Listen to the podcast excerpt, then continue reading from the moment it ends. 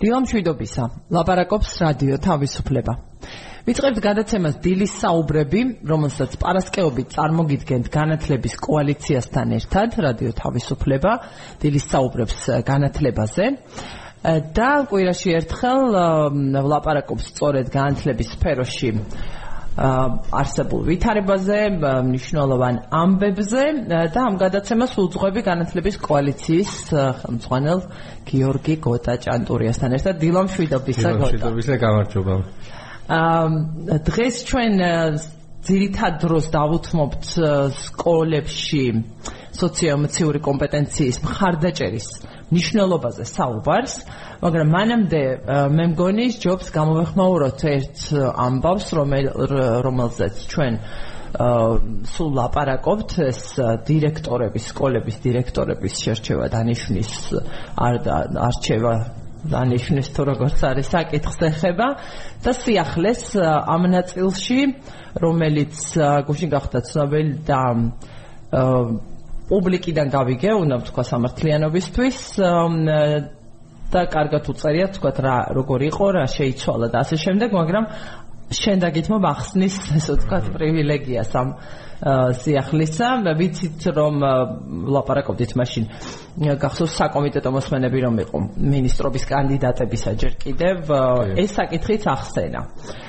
ministrobisგან მაშინ ministrobis კანდიდატმა და ახლა უკვე ministrმა და მინდა რომ ესე ვთქვათ განმარტო რა რა ცვლილებაზე არის ლაპარაკი და რა შეცვლის რეალურად. კი, პრინციპში დიდი ხანია ხო ამ თემაზე ჩვენ საუბრობთ და პუბლიკიდან საუბრობთ იმიტომ რომ რომ ისინი ესე თანმიმდევრულად და ძალიან ნამდვილად კი ხო ზედმიწევნით მიყვებიან ამ პროცესს. უნდა ვთქვა ლიკა ზაკაშვილი კონკრეტულად ძალიან კომპეტენტურია ამ შემდეგ. კი, ხო დირექტორების შერჩევის წესი ასე ვთქვათ დამტკიცდა პრინციპში ეს ეს იყოს თემა, რომელიც განათლების ministrისთვის, ახალი განათლების ministrისთვის ყველაზე ისეთი ტკინეულით საკითხი იყო და პრინციპში ის როდესაც დაინიშნა ეს პროცესი დირექტორების დანიშნვის პროცესი და არჩევნების პროცესი უკვე დაწყებული იყო და ის სულ ამბობდა რომ რა უნდა შემეცვალო მე როდესაც დავინიშნე ეს პროცესი უკვე დაწყებული იყო. ნუ იმ პროცესმა მაშინ საკმაოდ დიდი კრიტიკა მიიღო და მივიღეთ სურათი, რომ დაახლოებით 1000-ზე მეტ სკოლაში არ ყავს დირექტორი დანიშნული. ეს აი და აქედან გამომდინარე ახალი ასე ვთქვათ კონკურსი უნდა გამოცხადებულიყო. ამ წესის მიხედვით პრინციპულად ვთქვათ ნიშნულად შეიძლება ვთქვათ რომ ბევრი არაფერი იცვლება, თუმცა ერთი საკითხი ნამდვილად იცვლება რომ თუ წინა პროცესში ჩვენ გვქონდა ტესტირება და ორი გასაუბრება და შემდეგ უკვე წარდგენა სამეურვეო საბჭოსთან კანდიდატების, ეხლა გვაქვს ვთქვათ ტესტირება და ერთი გასაუბრება, რომელზეც კანდიდატმა უნდა ისაუბროს სკოლის სტრატეგიული განვითარების გეგმაზე, ხედვა მის ხედვებზე, მის ფილოსოფიებზე, სკოლის განვითარების და ასე შემდეგ. ამიტომ ეს ცვლილება პრინციპში გვაქვს. არსებითად რას ცვლილება? არსებითად ან ორი გასაუბრება, აი რაღაც დუბლირება იყო აი გასაუბრებების. ხო ანუ თუ წინა შემთხვევაში ადამიანს უწევდა უწევდა ჯერ ტესტირების გავლა და შემდეგ სერტიფიცირების მოპოვებისთვის გასაუბრება და შემდეგ უკვე წარდგენის გასაუბრებაც უწევდათ. ამ შემთხვევაში გვაქვს ერთი გასაუბრება და შემდეგ უკვე თქვა კანდიდატი სამეურვეო საბჭოს და წარდგენს ასე ვთქვა თავის ხედვებს თუ იქამდე რა თქმა უნდა მივიდა. და ის ერთი გასაუბრება არის ტესტირების შემდეგ.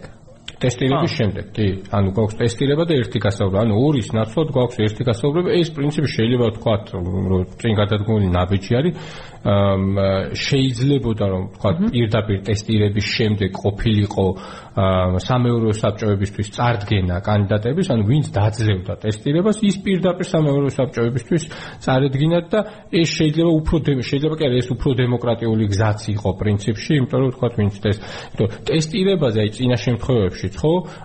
უამრავი ადამიანი, რამდენიმე ასეული ადამიანი ვერ გადალახა ტესტირება, მაგრამ არავის პროტესტი არ გამოუთქვამს. რატო, ხო? იმიტომ რომ ეს ტესტირება არის, ну, უფრო ობიექტური, ასე ვთქვათ, ამ შემთხვევაში, ანუ სუბიექტური ფაქტორები აქედან არის გამორიცხული, ხო? თუ გასაუბრებაზე ინტერვიუების დროს, ვთქვათ, ჩვენ საუბრობთ, რომ რაღაცა, ვთქვათ, პოლიტიკური ნიშნით თუ ნეპოტიზმით თუ ასე შემდეგ იყო გადაწყვეტილება მიღებული ტესტირების შემთხვევაში ამას ვერ ვიტყვით ხო და იმ კანდიდატებმა ვინც ვერ გადალახეს ტესტირება დიდად პროტესტი არ გამოუთქვამთ, ხო? ამიტომ შეიძლება და ესეც ყოფილიყო, მაგრამ ნუ არა უშავს დავინახოთ პოზიტივიც. ორი გასაუბრების ნაცვლად გვაქვს ჩვენ ერთი გასაუბრება. მე არ მინახავს ყოველ შემთხვევაში ეს წესი წავიკითხე, წესში არაფერია და ალბათ იტყვიან ვადებზეც და უკვე გვეცოდინება. ზოგადად ნათქვამი იყო რომ აი თებერვალში და თებერვალში გამოცხადდება და შემდეგ ალბათ გარკვეული დრო იქნება მიცემული ადამიანებს რომ თქვა შეიტანონ თავიანთი განაცხადები. ერთი რაც რასაც ეს წესი არ ითვალისწინებს და თუ სწორად ვხვდები წინა პროცესში ვინც ტესტირება დაძლია მათ ხელახლა უწევთ ასე ვთქვათ ტესტირების ჩაბარება თუ არა ამ შეფერს დაშვებული იქნებია. მოდი მე რიქადაგიძე წარმოგენ თუ არა ეს შეკითხვა სწორედ მას მიმართა. გოტამ ჩვენ სტუმარი ყავს დღეს სტუდიაში მე რიქადაგიძე CTC სკოლა ლაბის წარმომადგენელი რომელთან ერთადაც უნდა ვილაპარაკოთ სწორედ დღევანდელი გადაცემის ძირითად თემაზე, მაგრამ კომპეტენტური სტუმარია ჩვენი და შეგიძლიათ ჩაერთოთ საჭიროების და მიხედვით. მოგესალმებით, მიხარია რომ ისე ვარ ბოდიში გოტა, რადგან ეს მოეწყო. და ამ შემთხვევაში როგორც პრინციპში, როგორც განათლების კოალიციის, ასევე მოკლედ რავალალების წარმომადგენელი და ადამიანი, რომელიც ამ პროცესში ჩართულია, ასევე ამ თემაზეც შემოვნებით შემოვერთები თქვენ დისკუსიას და მიხარია რომ მართლაც როგორც პრინციპში გასულ წელს დაგვიანოსეთ და დაგვყვირით, მოკლედ აგრძელებთ ამ თემების მონიტორინგსაც და მნიშვნელოვანი თემების გაშუქებას.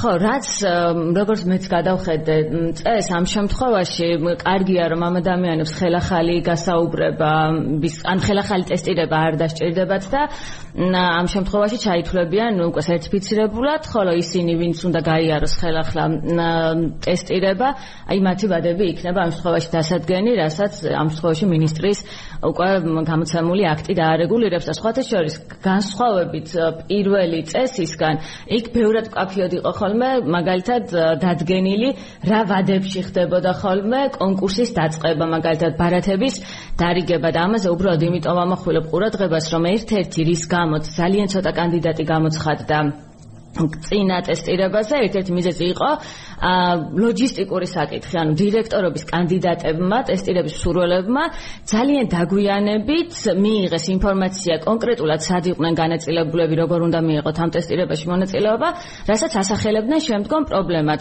აი აღნიშნოს მაგალითად წინ, ანუ წინა პერიოდის წესი უფრო ისე მკაფიო დარეგულირებდა, უფრო სწორად გულისხმობ 2011 წელს მიღებული წესი, რომელიც უკვე შემდეგ გადიოდა ცვლილებებს და ამ შემთხვევაში ჩვენც უნდა დაველოდოთ აღნიშნოს, ну, პრინციპში ის რომ მაგალითად იმ შემთხვევაში თუ სამეურვეო საბჭო ვერ ამტკიცებს დირექტორს ისე იტოვებს განათლების სამინისტრო დირექტორის დანიშვნის უფლებას და ასევე სასამართლო დავის შემთხვევაში აღნიშნული დირექტორის უფლებამოსილების შეჩერებას არ იწევს რაც ვფიქრობ რომ ამ კონტექსტში ასევე მნიშვნელოვანია რადგან ნუ პროტესტი ფაქტია რომ მოყვა ასეთ გადაწყვეტილებებს და ერთი რაც ეი ჩემთვის იყო საგულისხმო ისევ ხუთი დღე აქვს მიცემული სამეურვეო საბჭოს აღნიშნული გადაწყვეტილების მისაღებად, რაც ვფიქრობ, რომ თუ გავითვალისწინებთ მაგალითად სამეურვეო საბჭოების მზაობას და აი ამ ზოგად დაძაბულ ნეგატიურ ფონს, რაც ამ პროცესს ახლავს, ალბათ ჩემთვისაც ასურველი იქნებოდა, რომ ეს ვადაც გახანგრძლივებულიყო და გაზრდილიყო, ну არა ნაკლებ 10 სამუშაო დღემდე. კი ბატონო, ტესტირებაზე გორგას, ანუ მაგალითად თქვა წინა კანდიდატება, აი პირობითად მაია ეკალაძემ ტესტირება დაძლია წინა შემთხვევაში. ეხლა ხელახლა უკვე. ტესტები ეხლა ანუ პირდაპირ გასაუბრებაზე გადის და ხო ეგეც მნიშვნელოვანია მე რამდენადაც მახსოვს ანუ გასაუბრება ფაქტობრივად სამინისტროს ეტაპზე არსებული გასაუბრება დარჩება ეხლა. და ფაქტობრივად ის რაც მეორე გასაუბრება იყო ის იყო ტესტირების ნაწილი ეგრეთ წოდებული ზეპირი ტესტირება. უფრო ასე წარმოადგენდნენ ხოლმე ასე რომ ვფიქრობ, რომ ამ შემთხვევაში მნიშვნელოვანია თავად უფრო ის, როგორ წარიმართება ეს გასაუბრება და ამ შემთხვევაში კომისიას შემადგენლობასაც ისევ მინისტრის ბრძანება არეგულირებს და შესაბამისად გვიწევს ამ ეტაპზე მინისტრის ორი ბრძანების, ანუ უშუალოდ გამოცდის ვადების დადგენისა და კომისიების დაკომპლექტების ლოტინი ასე თქვა. რა უკაცრავად რა იქნება საყურადღებო ახლა შემდგომ პროცესში? ყველაზე მეტად ესე თქვა თვალყურის მისადევნებელი ან წინასწარაზე შეიძლება იყოს თქვა ხო ანუ თვითონ პროცესი არის ყველაზე მნიშვნელოვანი ხო? ანუ წინა შემთხვევაში თქვა იქნებოდა ეს ორი გასაუბრება თუ კი რა თქმა უნდა ეს არ იყოს სწორი და კარგია რომ თქვა ორიდან ერთი შემთხვევა მაგრამ პროცესი არის მნიშვნელოვანი ჩართული მხარეები არიან არის მნიშვნელოვანი. წინა შემთხვევაში იმ ჯგუფები ის ჯგუფები და ადამიანები ასე თქვა პირადად ჩემთვის დისკრედიტირებულები არიან, არა, იმიტომ რომ და არა მარტო ჩემთვის თქვა ხო, იმიტომ რომ თვითონ ის პროცესი იყო დისკრედიტირებული და ცხადია იმ პროცესში ჩართული ადამიანები, ვინც გადაწყვეტილებები მიიღეს, არანაირი არგუმენტაცია არ წარმოუჩენიათ, არც თქვა რაიმე დისკუსიაში შემოსულან, არც თავისი გადაწყვეტილებები დაუსაბუთებიათ, ხო, როგორც სამინისტროს წარმომადგენლებს, ისე თქვა ის იქნებოდა რესურსენტების წარმომადგენლები, ეს იქნებოდა თქვა პროკავშირის წარმომადგენლები, გარე სპეციალისტები ფაქტობრივად არ იყვნენ ამ პროცესებში ჩართულები, ამიტომ თუ თქვა ჩვენ ფაქტობრივად იგივე პროცესი გვექნება, ხო? და მხოლოდ თქვა ერთის ნაგია თუ ორის მაგალითად ერთი გასაუბრება, მაშინ ნუ უნდა ვთქვათ, რომ თვითშეფრივად არაფერი იცვლება. ამიტომ ანუ რა მევალდებულება ემატება, რომ დასაბუთებელი იყოს წარმოქმნილი იქ შინაარსის ნაწილისიც არ ხდებოდა დაოქმება თუ როგორ ქვია არ ვიცი, ხო? ხო, ანუ ფორმალურად ხდებოდა, თუმცა რეალურად თქვა იმ ოქმებში ფაქტობრივად არაფერი არ ეწერა. ის ჯგუფი კომისია ვინც ესწრებოდა რეალურად სხვა შემადგენლობა იყო მე ოქმში წარმოქმნილი პირობითად თქვა თუ რეალურად სამი ადამიანი ესწრებოდა ოქში ეწერა რომ თურმე ექვსი ესწრებოდა და ასე შემდეგ. ანუ ამ პროცესს ხარვეზები ჰქონდა. იქ კრიტერიუმები არ იყო გაწერილი თქვა როგორ აფასებდნენ ბევრი რამე ბუნდოვანი იყო თვითონ ამ ადამიანებისთვის გამსაუბრებლები ხო კანდიდატების დირექტორების და ასე შემდეგ. ამიტომ თუ თვითონ პროცესი არ დაიხვეწა, მაშინ ხო რეალურად ჩვენ გვჩება იგივე სულ. და ეს სამინისტროზეა როგორ და როგორ გადაწყვეტილებას მიიღებს? დახვეწის პროცესს თუ?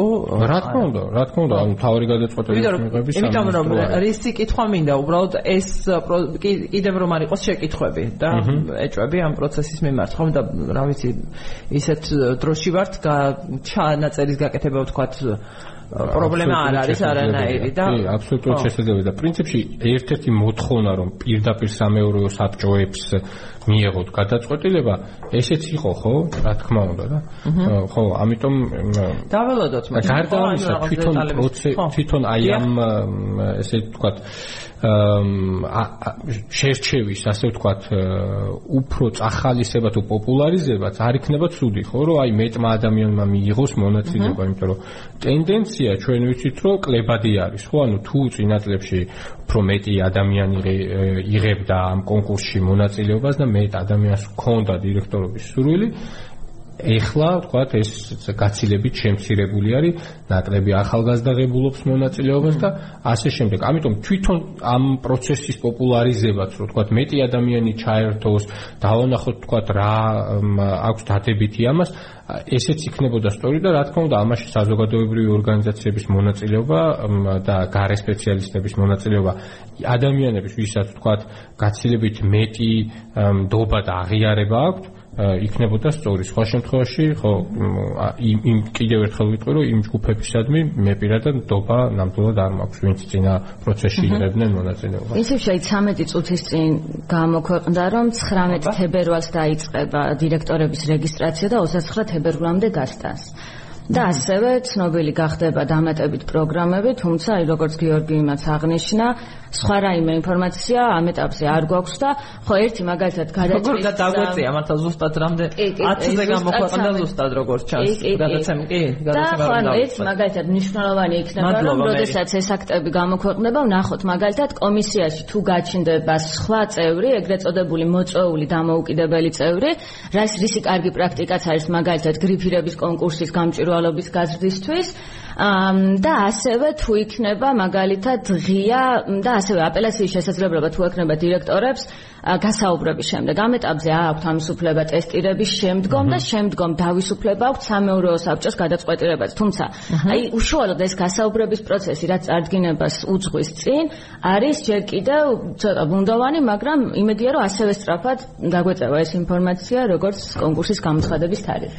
ხო დიდი მადლობა მერის ასე ფხიზლად უცებ დაიჭირა არ ველოდით ნამდვილად და მადლობა მადლობა ამ ინფორმაციის გამავრცელებელსაც, ასე ვთქვათ, ინტერპრესიოსი გავხსენი მე, ალბათ თქვენც ხო იგივე. და იმ ნაწილზე ხო ის ნაწილი, რაც ვილაპარაკეთ კონკურსის და გასაუბრების, ხო, შემდეგ რომ იქნება მხოლოდ ერთი გასაუბრება, რომ ამ მიზანი ერთ-ერთ მიზნად დასახელებულია მოზიდვა მეტი ადამიანის სწორედ.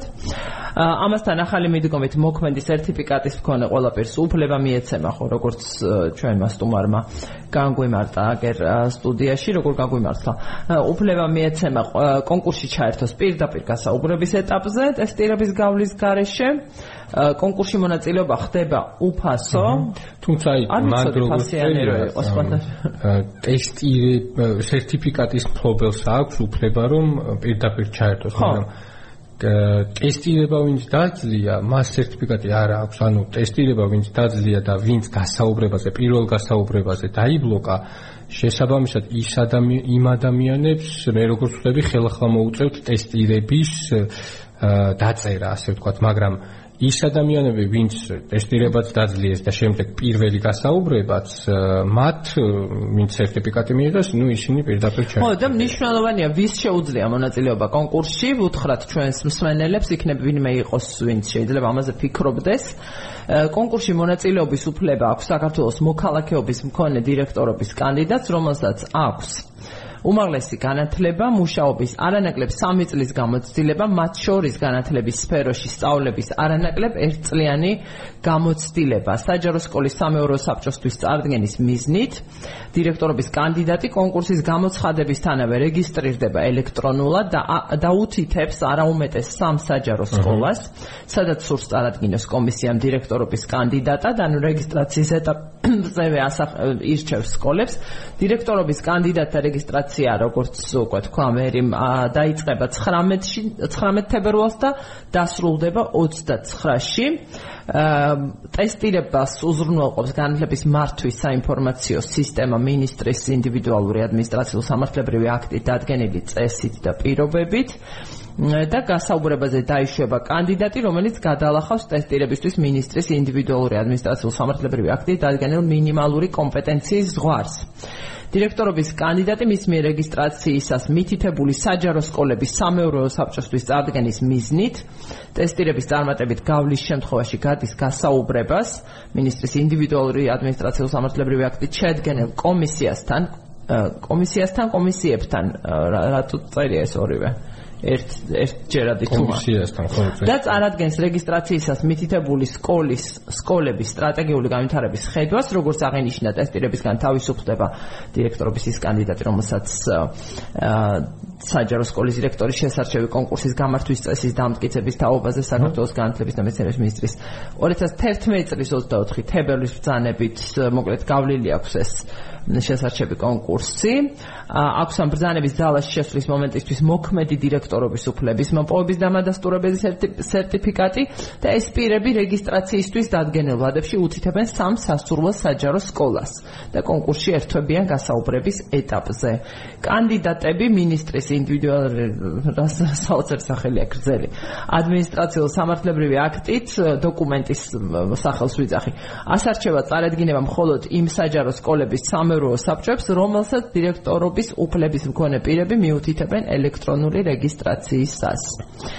და შემდეგ უკვე სამეურვეო საბჭოზე და ჩვენ ამ პროცესს მიუბრუნდებით, აუცილებლად მიუყვებით. მნიშვნელოვანი იქნება უკვე ეს რას მოიტანს. ჩვენთვის მნიშვნელოვანი არის შედეგი, ხო? როგორი იქნება და აუცილებლად ვისაუბრებთ კიდევ და კიდევ. კი ბატონო და სხვა ჩვენ სიმბოლურია რომ აი ეგრეთ წოდებულმა დაწუნებულმა კანდიდატებმა რამდენიმე ხნის წინ დააფუძნეს ორგანიზაცია განათლების დამცველთა ასოციაცია და ზუსტად ხვალა აქვთ კონფერენცია, ღონისძიება, სადაც ზუსტად ამ საკითხებზე იმსჯელებენ და ისაუბრებენ, თქვათ, შერჩევა როგორ უნდა ხდებოდეს და ზოგადად თქვათ რა მომავალი აქვს განათლებას საქართველოში. და ეს ზუსტად დაემთხვა რომ თქვა დღეს თუ გუშინ იმას შერჩევის წესი დამტკიცდა და ხვალ თქვა ეს კონფერენციაც არის. ანუ ამასაც გამოეხმაურებიან ისინი ალბათ. კი დარწმუნებული ვართ ხო ამას რომ იზამენ და რაც შეეხება ჩვენ დღევანდელი საუბრის თემას ვიდე თემას მიუბრუნდებოდე მსმენელს გეტყვით რომ შეგიძლიათ ჩვენთან ასე ვთქვათ ურთიერთობა ეთერის დროს მოკლე ტექსტური შეტყობინებების გამოგზავნა იქნება შეკი კითხვები თუ თქვენი მოსაზრებები ნომერზე 595-95-0055-ზე სხვაგვარადაც ვიტყვი 595950055-ზე მოკლედ ტექსტურ შეტყობინებებს ვიღებთ ყურადღებით ვეცნობი და ასევე ეთერში ვკითხულობ. თუ შეკითხვა არის ვცდილობთ პასუხიც გაგცეთ თუ არა და უბრალოდ ვაცნობ ცხებს თქვენს მოსაზრებებს. და ასევე მე კიდევ ერთხელ მინდა მესმის რომ შეიძლება არარელევანტური იყოს რადიო მსმენელისთვის მაგრამ მაინც იქნებ ინვესტვის უფრო მოსახერხებელია რომ შეგიძლიათ ინტერნეტშიც ჩვენი მოსმენა რადიო თავისუფლება წერტილი GE შეხვალთ ამ საიტზე და მარჯვენა ზედაკუთხეში რადიო ესე მკაფიოდ მოჩანს ბმული და დააჭერთ და იქ გაიგონებთ ჩვენს ხმას. და ასევე Facebook-ზე ყოველდღე დილი საუბრების Facebook-ის საიტზე ვდებ რა რა თქმა უნდა ანონს გადაცემისა თემის წარდგენით და ის სივრცეც შეგიძლიათ იქ კომენტარების სივრცე გამოიყენოთ თქვენი კომენტარებისთვის თუ ეს უფრო მოხერხებულია ვიდრე ტელეფონზე აკრეფა შეტყობინებისა. რაც შეეხება ჩვენი დღევანდელი სტუმრის აკყოფნის მიზეს, ამ თემაზე ჩვენ გულაპარაკია ამ ეთერში, რაც შეეხება სოციალური და ემოციური კომპეტენციების განვითარების მნიშვნელობას და რომ სკოლას არ ევალება მხოლოდ რაღაც საგნობრივი ცოდნის მიცემა თუ ამ მიმართულებით განვითარება მოზარდისა და რომ ძალიან მნიშვნელოვანია და ეს ამაზე ნაკლებად იყო უწინ და დღესაც ამის დეფიციტი არის. ფიქრი, მსჯელობა, ცოდნა რაც მნიშვნელოვანია ყველაზე, ჩემ თავს ვაყენებ პირველ რიგში, უმეცრების რიგებში ყოველთვის ჩემ თავს დავაყენებ.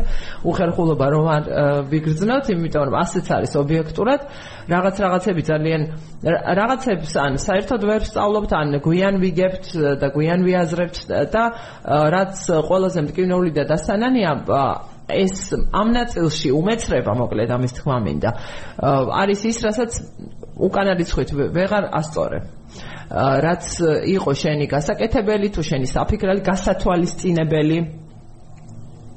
და რომ ამ სოდნით აღჭურვილი უკეთესად გაიგებდი აღიქვამდი რაღაცებს ხო მოზარდის? იქნება ეს შობელი მასწავლებელი თუ ვინც არის მოზარდის გვერდით ზრდის პროცესში მისი აღზრდის ნაწილში და რა თქმა უნდა ძალიან მნიშვნელოვანია სკოლებში და მნიშვნელოვანია ამ ცოდნების განვითარება. მე როგორც ხვდები ის ღონისძიება რომელიც ხალისთვის დაგეგმეთ ილიას სახელმწიფო უნივერსიტეტმა, ბავშვთა განვითარების ინსტიტუტმა და კონსულტაციისა და ტრენინგის ცენტრის სკოლა ლაბმა, რომელსაც თქვენ წარმოადგენთ, არის ამ საკითხში ცოდნის, როგორც თქვა, კონცენტრ შეერთება. და გაზიარება ალბათ იმისთვის რომ კიდე უკეთესად მიუხვდეთ როგორ შეგვიძლია ამ ყველაფრის გამოყენება და ამ მიმართულებით განვითარება საქართველოში. მე მგონი არ ვცდები რომ საერთოდ ამაზე არ ვიცი ჩემს ბავშვობაში არც მსმენია ამაზე მსჯელობა დიდად. არ ვიცი შეიძლება შეიძლება ფრაგმენტული ფრაგმენტულად რაღაც ღონისძიებები რა თქმა უნდა იქნებოდა სკოლებში შეიძლება ამ დასახელებით ესე არა? ხო ხო აი დასახელებაზე რადგან თქვი გოტამოდი განმარტებით დავიწყოთ. მე მიუხედავად იმისა რომ გულაპარაკია უწინ ახლა მსმენელი გვისმენს სხვა ც ალბათ დიდი ალბათობით ასე რომ რას ნიშნავს სოციალური და ემოციური კომპეტენციები და მათი განვითარება? აა მადლობა აა თქვენი ასე ვთქვათ წინასტუმარი რომელიც ამ თემაზე საუბრობდა ამის ექსპერტია და უფრო განსხვავებული ფორმატი ქონდა და ძალიან კარგი თქვენ საუბარს. ნამდვილად უნდა დავიწყოთ რეალურად ამ თემაზე საუბარი და ზოგადად სოციალური და ემოციური განათლება თავის კომპეტენციებით გულისხმობს სწორედ იმ ცოდნის დამოკიდებულებების უნარების ნაკრებს რომელიც ეხმარება ადამიანს რომ ჰარმონიულად არსებობდეს ამ შემთხვევაში ბავშვს საკუთარ თავთან ასე ვთქვათ ახერხებდეს ეფექტურად საკუთარი ცხოვრების განვითარებას და ურთიერთობებს და თანამშრომლობებს გარემოსთან და სხვა ადამიანებთან ამ გარემოში. ნუ ესეთი აბსოლუტურად კეთილშობილური და საგანმანათლებლო მიზანი აქვს ამას, მეტი არაფერი და ასევე სწორად აღნიშნეთ თქვენ, რომ ასეთი ფორმულირებით ეს არ ყოფილა ისე მკაფიოდ წარმოდგენილი და ცალკე ასეთი ყურადღება არ დათმობია, თუმცა ყოველთვის რაღაცა ფრაგმენტულად ყურადღება გამოხვილებული იყო ხოლმე ზერონულ სასწავლო გეგმაში და სხვა ტიპის დოკუმენტებში. ასევე ნუ ცხადია მასწავლებელთა მომზდების დოკუმენტებში. უშუალოდ ასე ვთქვათ, ჩვენ საქმიანობას რაც შეეხება და ამ კონფერენციას, აა ვინაიდან უკვე მესამე წელია ამ შემთხვევაში კონსულტაციის და ტრენინგის ცენტრი პარტნიორებთან, როგორც არის ილია სახელმწიფო უნივერსიტეტი, ბევრი საზოგადოებრივი ორგანიზაცია და არასამთავრობო ორგანიზაცია მუშაობს ამ თემებზე. ჩვენც ვნახეთ, რომ არის დეფიციტი იმისა, თუ ზოგადად მათ შორის როგორ განმარტავ სოციალურ ემოციურ განათლებას, რა მოლოდინები გვაქვს მის მიმართ და სკოლას რა მოლოდინებს უყენებთ. სწორედ ამიტომ გადავწყვეტეთ, რომ გაგვეერთიანებინა ის ძირითადი უწყებები, რომლებიც მუშაობენ ამ თემაზე და ძალიან მოხარულები ვართ, რომ ნუ პრინციპში ძირითადად ყველა წამყვანი უწყება შემოუერთდება ჩვენს კონფერენციას სამინისტრო შესაბამის სააგენტოებით, ასევე ძალიან მნიშვნელოვანია პარლამენტის განათლების კომიტეტის ჩართულობა ამ პროცესში, ვინაიდან სწორედ მათ და დაიწყეს სოციალური და ემოციური განათლების თემატური მოკვლევა და ამ ფარგლებში, ამ ფორმატის ფარგლებში ცდილობენ, რომ ამ საკითხის ადვოკატირებას პოლიტიკის დონეზე შეუწყონ ხელი. ასევე ჩვენი მსმენელისთვის, ამ შემთხვევაში ჩვენც როგორც განათლების სპეციალისტებისთვის რომ იყოს მაგალითად უფრო მკაფიო, ჩვენ რატომ ვამახვილებთ ამაზე ყურადღებას და უშუალოდ ფსიქოლოგების, სოციოლოგების, სოციმუშაკების გარდა. აი ჩვენი კვლევები რაც გვაქვს ხო ადრეულიდან სკოლის ჩათვლით, გვეუბნება რაც რომ მაგალითად ადრეული ასე ვთქვათ აღზრდის კვლევების შედეგად ვიგებთ რომ შობლების სახლში ბავშვების ფიზიკურ განვითარებაზე ზრუნავენ, მათთან თამაშობენ და ამაში ეხმარებიან, თუმცა უჭირთ სხვა ტიპის აქტივობებში ჩართვა, აი მაგალითად მათ შორის სოციომოციური ასპექტების ასე ვთქვათ გაჩვეცნობიერება და სწავლება ბავშვებისთვის აღზრდის პროცესში. იგივე, ასე ვთქვათ, ტენდენცია შენარჩუნებული არის ადრეული აღზრდის დაწესებულებებში, რასაც ასევე ვიგებთ ძირითადად საბედნიეროდ UNICEF-ის ასე ვთქვათ განხორციელებული მონიტორინგიდან. და რას ვნახულობთ, რომ შემდეგ უკვე სასკოლო მზაობა ბავშვებს არის ძალიან დაბალი. ეს სასკოლო მზაობა რას გულისხმობს, რომ მაგალითად დამოუკიდებლად არ შეუძლია, რომ წარმოიდგინოს თავისი დღე პირველ კლასში ან შემდგომ კლასებში. უჭირს მაგალითად კონცენტრირება, ფოკუსირება, უჭირს ურთიერთობის დამყარება, უჭირს რომ უთხრას მასწავლებელს ან მეურვეს, რას გრძნობს. ეს პრობლემები ღრმავდება ასაკობრივ თავისებურებებთან ერთად და შემდეგ გამოიხატება უკვე პრობლემით, ხო? ეს პრობლემები რა არის? სწავლის მიტოვება, დავალებების შეუსრულებლობა და კონცენტრაციის დეფიციტი, ასე ვთქვათ, мотиваციის და სურვილის დაკარგვა, დამოკიდებულებების გაჩენა, მავნედა ნივთიერებებისა და მიმართ ამ შემთხვევაში და ასევე ურთიერთობის დამყარების შეუძლებლობა თავის თანატოლებთან, ხო? რაც შემდეგ უკვე ძალიან მნიშვნელოვანი წილად გავლენას ახდენს მათ რაც პიროვნულ განვითარებაზე და პიროვნული იდენტობის ჩამოყალიბებაზე. სწორედ ამიტომ გადავწყვიტეთ ჩვენ ამ თემების წინ წამოწევა, რომ დაგვენახებინა სოციოემოციური განათლების ადგილი აკადემიურ სფეროში და ესე მთელი ჩვენი ამ სამწლიანი მუშაობის ფარგლებში ვცდილობთ რომ სკოლის ხელმძღვანელებს, მასწავლებლებს ვაჩვენოთ როგორ ახდენს გავლენას ამ საკითხებზე მუშაობა ბავშვების აკადემიურ ჩართულობასა და მიღწევებზე. კი ნამდვილად არის არის ერთმანეთთან ეს პირდაპირ კავშირში. რეკლამის დრო არის ახლა რადიო პალიტრის ეთერში. ჩვენ უწყვეტად გავაგზავნებთ ინტერნეტში საუბარს და სულ რამდენიმე წუთში დავბრუნდებით რადიო პალიტრაზე FM 103 და 9-ზე ასე რომ დაგველოდეთ. და ახლა რომ გისმენდით დიდწილად ვთქვათ მე ჩემი ბავშვები ძს გამოცდილებით და უკვე შემდგომ ჩვენი შვილების თაობაში ეს აი როცა ბძანეთ რომ ვთქვათ უჭირს მასწავლებელს გაუზიაროს რას გრძნობს ან ხო შეიძლება თulides რომ არ აინტერესებს ან ცხენოდეს ამის რაღაცის თქმის ან გაზიარების სულ ერთი არასახება და ეს ითვლებოდა უფრო ხასიათისთვისებად, რომ ზოგს უჭირდა და ზოგს არ უჭირდა და ეს ესეთია იმას ასეთი ხასიათები მორცხვია. მორცხვია ეს იყო ხშირად ხოლმე დახასიათებაში და ვიღაც მორცხვი არ იყო რატომღაც ასეთი დაიბადა. კი რა თქმა უნდა განსხვავდებით ერთმანეთისგან გამოხატვითაც და გამოხატვის თქვა ფორმითაც რაღაც ემოციურობით და ასე შემდეგ მაგრამ მაგრამ ხო ცოდნა არათუ ბავშვს დიდებს გვამშვიდებს რაღაც რაღაცების ცოდნა და ინფორმირებულები როცა ვართ ამა თუ იმ საკითხზე.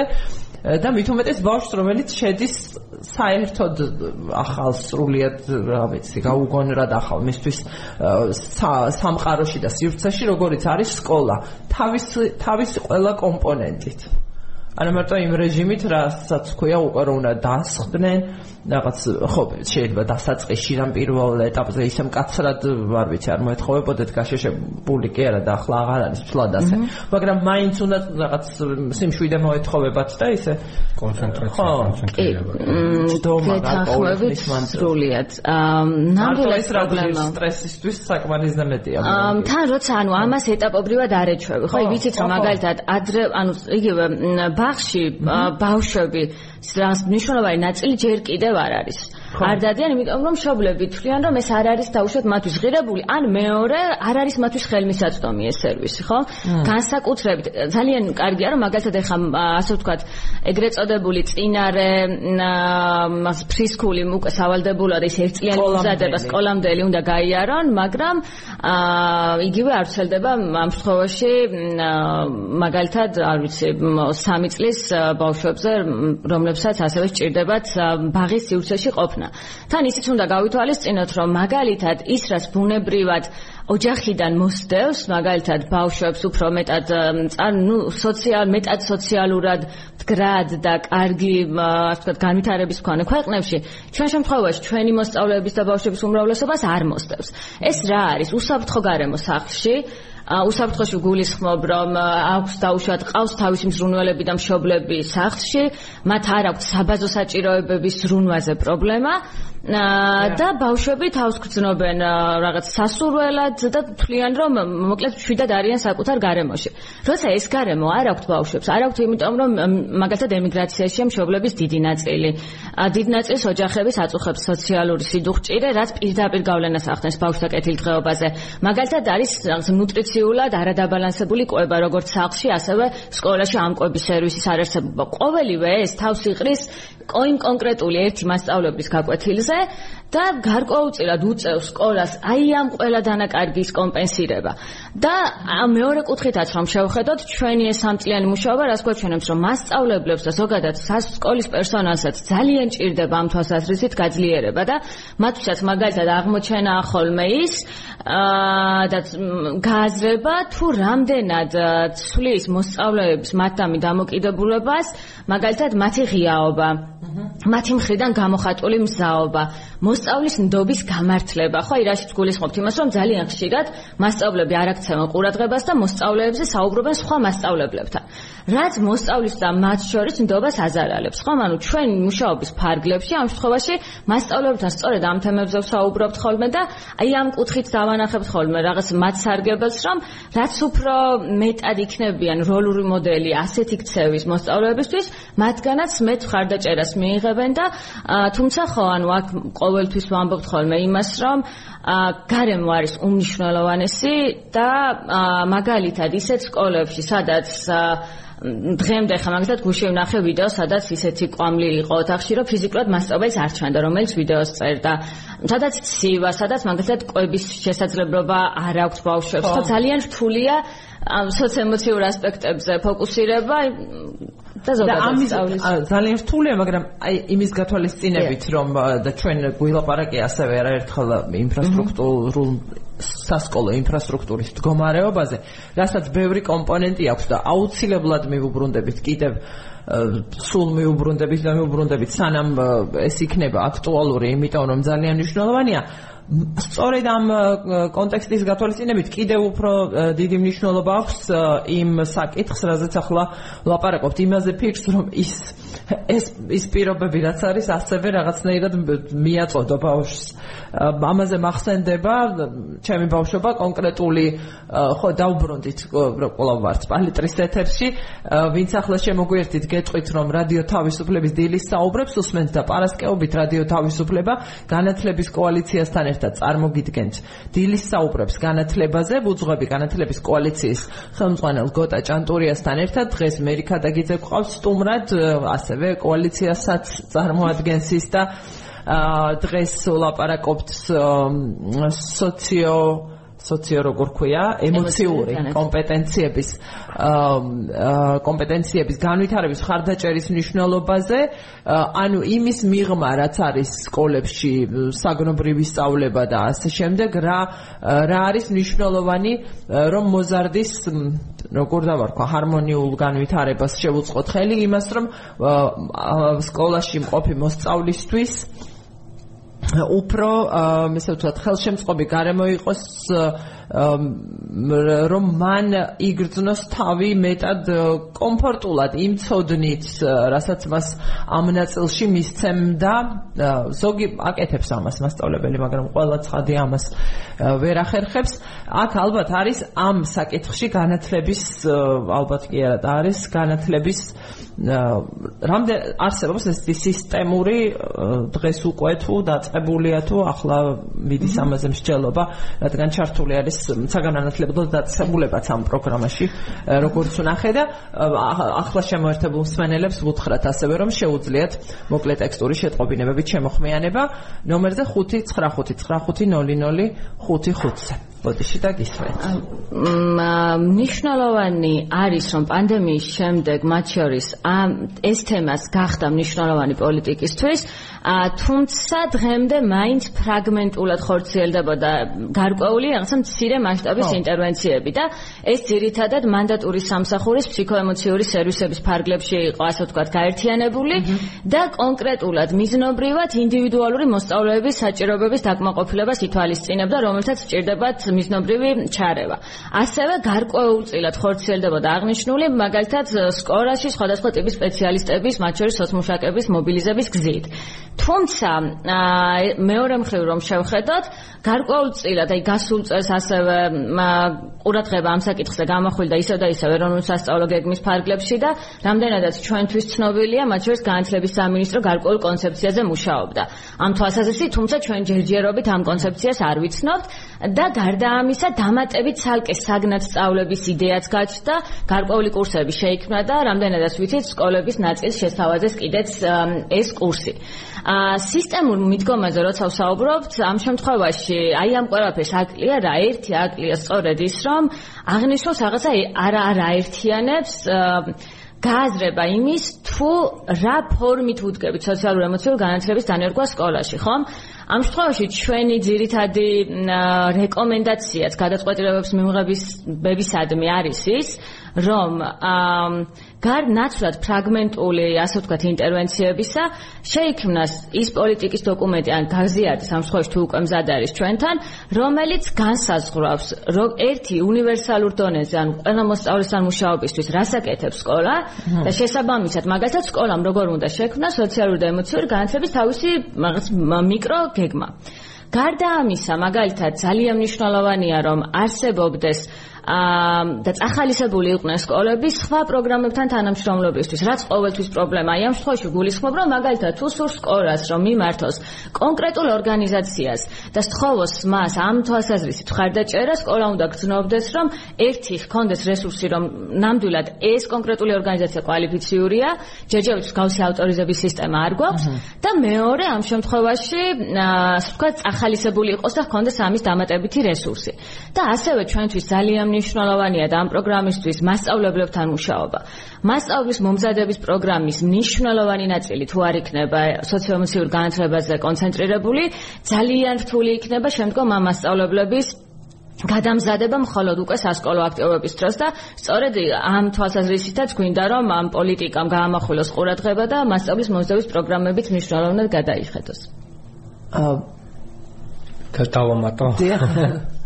არ პრინციპში ძალიან სწორი არის, რა თქმა უნდა, მასშტაბების მოგზაურობის პროგრამა ამ ხრივ უნდა გადაიხადოს და ერთი მხრივ ეს პროგრამა საინტერესოა იმიტომ რომ თქვა მასშტაბლებს აძლევს ფაქტობრივად მეტ კომპეტენციებს და ცოდნას ამ საკითხებთან დაკავშირებით, ფაქტობრივად ეს არის პედაგოგიკა, ასე ვთქვა, ხო, ამ მიმართულებით რაც ჩვენს მასშტაბლებს პრინციპში ძალიან აკლიათ, ხო?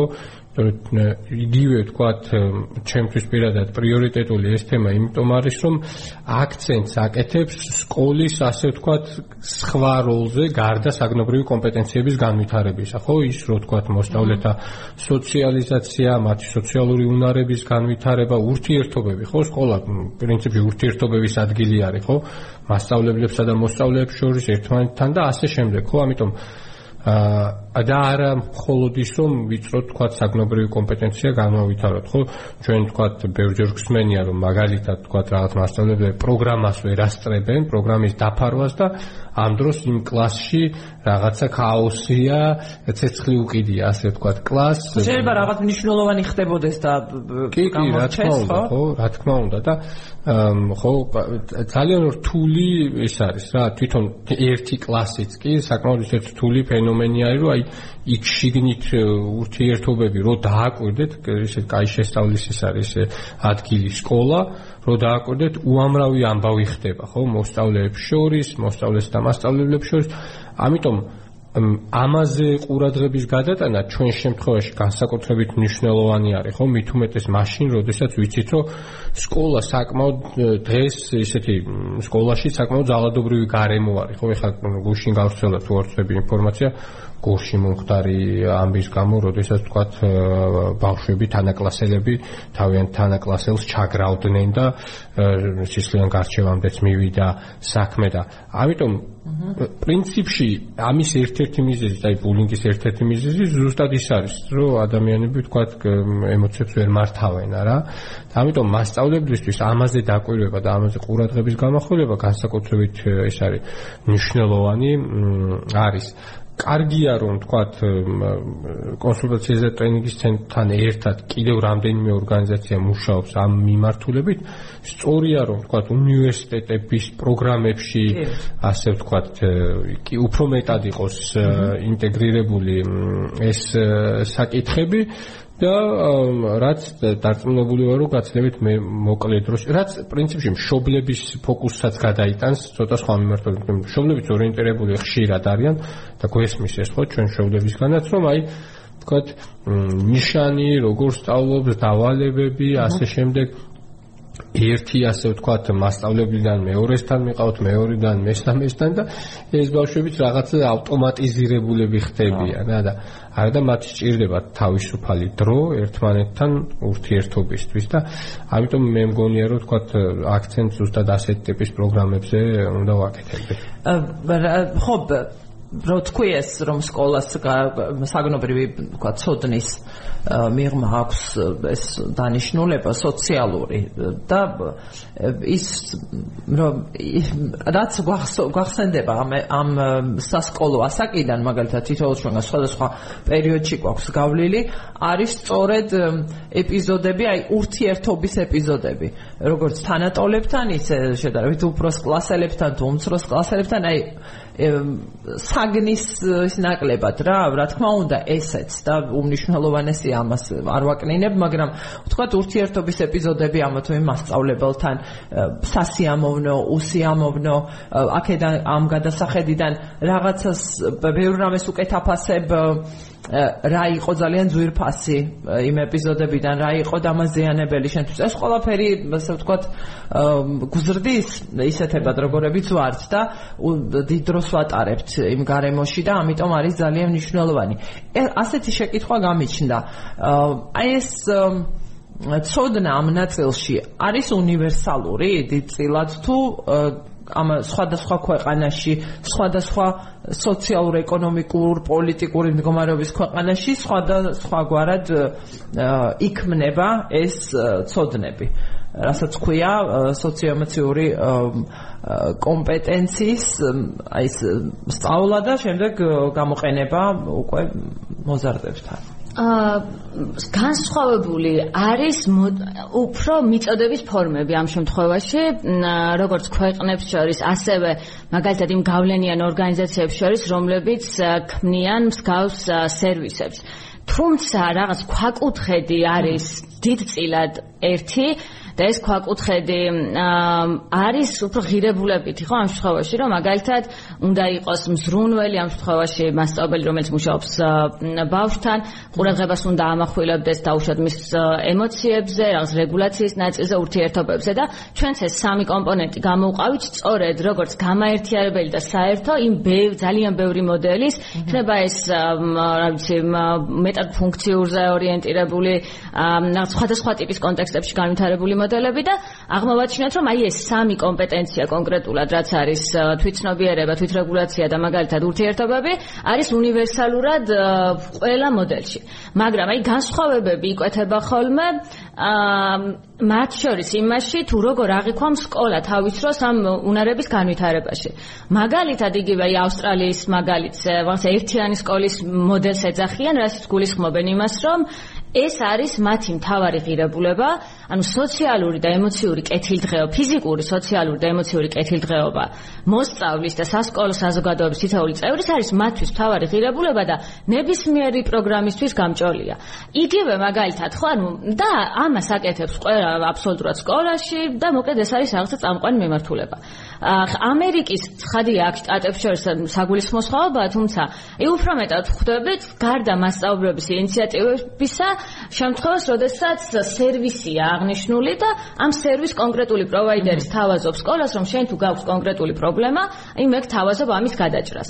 მაგრამ რაც ასევე გამაერთიანებელია მსგავსი კონტექსტებისთვის არის ის რომ სწავლება, ანუ აკადემიური დაგეგმვა გაკვეთილის და სწავლება მაინც მოიცავს ამ თემებს და მასწავლებლებისთვის ეს არის მათი სასწავლო პროცესის რეფლექსიის მთავარი, ასე ვთქვათ, ესეთი მთავარი ასპექტი.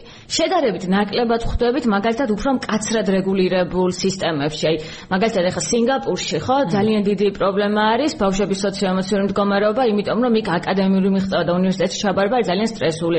იგივე გამოცდილებებია მაგალითად სამხრეთ კორეაში და ცხადია იქაც მუშაობენ ამ მიმართულებით, მაგრამ ეს არ არის პრიორიტეტი. იქ პრიორიტეტი მაინც არის მკაცრად მოსწავლის შედეგი და მაგალითად მისი ეს პიროვნული ამ შემთხვევაში განვითარება, ემოციური კეთილდღეობა ისეთი მნიშვნელოვანი არ არის, თუმცა იმდენი პრობლემა შეექმნათ, რომ ხა ამაზეც აქტიურად იწყებენ მუშაობას. ანუ ეს მიდგომა რომ სკოლაში ვისწავლოთ საგნები და ვინმე თუ პრობლემა შეექმნება, ეძებოს ინდივიდუალურადაც ოჯახებიც ასე უდგებიან უფრო მეტად. ხო, მაგალითად ახლა ფინურ სკოლაში ბავშვის კეთილდღეობა არის მთავარი ღირებულება და ანუ მასწავლებელი სამთავის საგანმანათლებლო პროცესს ამ პრინციპით აგებს. ეს მშობელიც ამითაც ინტერესდება უფრო მეტად.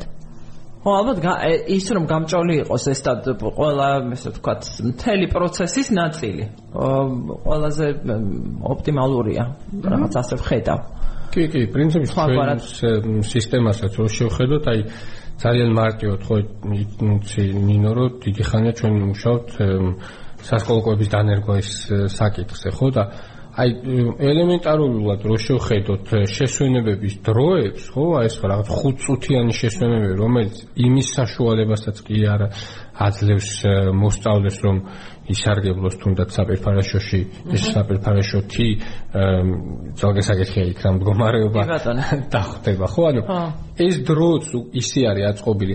ინფრასტრუქტურაზე რო ვილაპარაკეთ დღეს ველიაო გაშლილი 800 სკოლის ის მიმდინარეობს და აგერ ყველაზე უკეთიცი ხო ეს ერთ სკოლაში განთავსებული რამდენიმე სკოლა რაც მე ცვლებს ამატებს და ერთი ცვლა მეორე მესამე რაც არაძლევთ სკოლებს და ადმინისტრაციასაც საშუალებას რომ რაიმესთვის დრო დაიტოვონ ხო? ამიტომ ჩვენთანაც ხედავთ რომ პრინციპში ნაკლებად არის ეს პრიორიტეტი უფრო პრიორიტეტულია ფორმალური რაღაც საკითხების დაცვა ხო? ფორმალურად ბავშვები სკოლაში დადიან მასშტაბლებლები ხყავთ, სკოლა, შენობა არსებობს და თუ ამ სტანდარტებს დავიცავთ, იმის იქით ახლა რა არის, პრინციპში ეს ნაკლებად არის მნიშვნელოვანი და მე მგონია რომ ასეთი ტიპის ინიციატივები პირიქით სახელმწიფოს აი როგორც ყვების თემაზე ხო სახელმწიფო მას შემდეგ დაიწყო ლაპარაკი რაც საზოგადოებრივ ორგანიზაციებმა წამოწიეს ეს საკითხი და მე მგონია რომ აქაც იგივე ხდება და თვითონ სახელმწიფოც ნელ-ნელა გადაეწყობა უკვე ამ საკითხის უფრო მეტად პრიორიტეტიზაციაზე. სოციალური პოლიტიკის, ანუ უფრო ფართოდ თუ შევხედავთ, ხო იგივე კვების სერვისი თავრობა გინდა დაგეთქვა გოტა. კი ბატონო. სახელმწიფო ჩვენს ვარ. ყველა. თავრობას კი. ხო. სახელმწიფოს თავრობა წარმოადგენთ, დიახ. რადგან აი დირექტორებზე ვსაუბრობთ მაგალითად სულ დაგჭა 4 წუთი და რაღაცნაირად ეს შეკითხვაც ხო ბრძანე. უბრალოდ ის აღნიშნაც მინდა და რომ იგივე რაც გამოარჩევს მაგალითად უფრო მოსწავლეს და ზრუნვაზე ორიენტირებულ საგანმანათლებლო სისტემას მაგალითად სხვა სისტემებისგან ისიც არის რომ იზიარებენ იმას რომ თუ თავად სკოლის მენეჯმენტი და მასწავლებლები არ არიან უსაფრთხოდ და კომფორტულად თავის სასწავლო პროცესში და მათი პირველადი საჭიროებები არ არის დაკმაყოფილებული ისინი მოსწავლეებს ანგარემოს ვერ შეუქმნიან და მათ შორის არის ისიც იგივე დირექტორების დანიშვნის თემას არაპირდაპირ, მაგრამ ამას უკავშირდება. თუ დირექტორი არ არ არის დანიშნული და ამ სტრესშია მაგალითად 10 თვის განმავლობაში, ელოდება მაგალითად საარჩევნო პროცესის გავლას, თუ მასწავლებელს მხოლოდ ერთწლიანი ხელშეკრულება აქვს და ელოდება აი ამ ძიმე პერიოდის გადავლას, ვიცით რომ ვერ შეძლებენ ისინი ბავშვზე ორიენტირებული გაკვეთილის ჩატარებას და ისიც რომ მაგალითად თუ არ აქვს დასაჯდომი ადგილიც კი მასწავლებლებს თუ არ აქვს 5 წუთი რომ შეისვენონ შეუძლებელია მათ მიმართ მოლოდინი გქონდეს რომ ისინი სწორად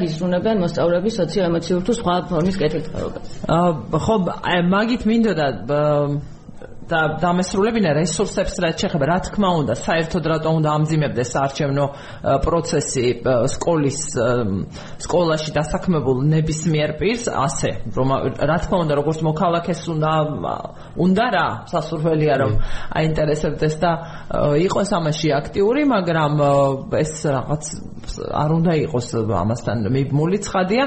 და რა თქმა უნდა რესურსები ყველაზე დიდი და ასე ვთქვათ რესურსი არა მხოლოდ ფინანსური, მაგრამ ფინანსურიც მათ შორის და არა ბოლო ადგილზე, სწორედ ამ სფეროსკენ და საკუთრივ სკოლამდელი და სასკოლო განათლებისკენ უნდა იყოს მიმართული, იმიტომ რომ მე ვდგავართ და ვიშვიშებთ რაღაცები რომ აღმოჩნდება.